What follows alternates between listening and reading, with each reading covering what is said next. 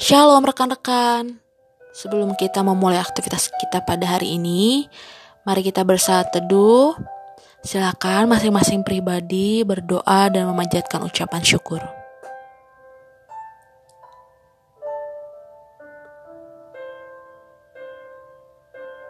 Amin.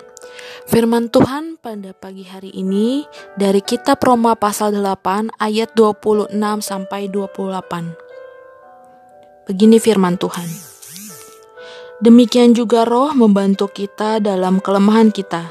Sebab kita tidak tahu bagaimana sebenarnya harus berdoa. Tetapi roh sendiri berdoa untuk kita kepada Allah dengan keluhan-keluhan yang tidak terucapkan.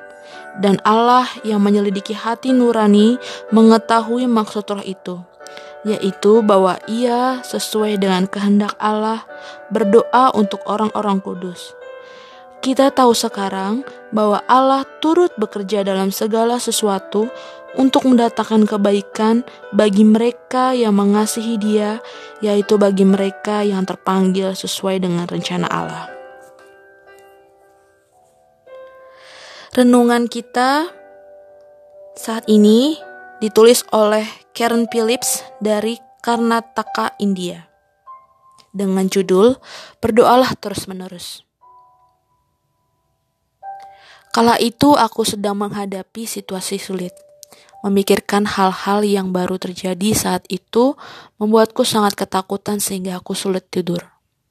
Tiap bangun pagi aku merasa lemah dan ketakutan hanya dengan memikirkan masalah itu. Sejenak aku berpura-pura bahwa semua baik-baik saja. Tetapi aku justru makin terpuruk.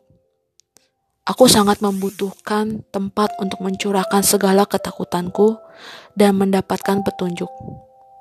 Saat itulah aku sadar bahwa aku dapat berdoa kepada Allah. Maka tiap pagi aku berlutut berdoa. Tiap kali pula aku langsung mulai menangis. Tak mampu berkata-kata karena situasi itu terlalu berat mengimpitku. Hal serupa berlangsung berhari-hari. Kemudian, aku mulai merasa lebih baik.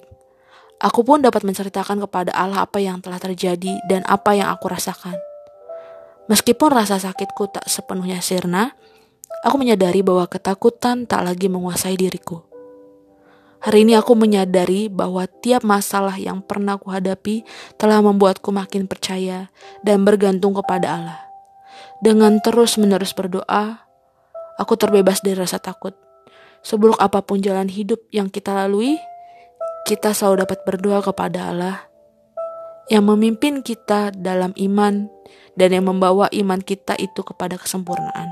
Ibrani 12 ayat 2. Ayat harian pada saat ini diambil dari 1 Tesalonika pasal 5 ayat 18. Mengucap syukurlah dalam segala hal sebab itulah yang dikehendaki Allah di dalam Kristus Yesus bagi kamu.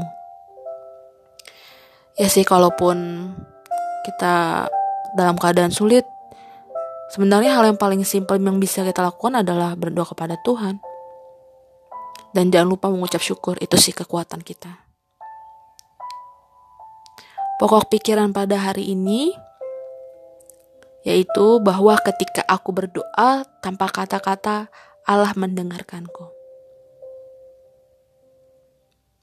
Mari kita berdoa. Ya Allah, tolonglah kami untuk ingat berdoa dan percaya kepadamu, seburuk apa pun jalan hidup yang kami lalui. Amin. Pokok doa syafaat yang bisa didoakan kepada teman-teman masing-masing, yaitu orang-orang yang tak memiliki teman bicara.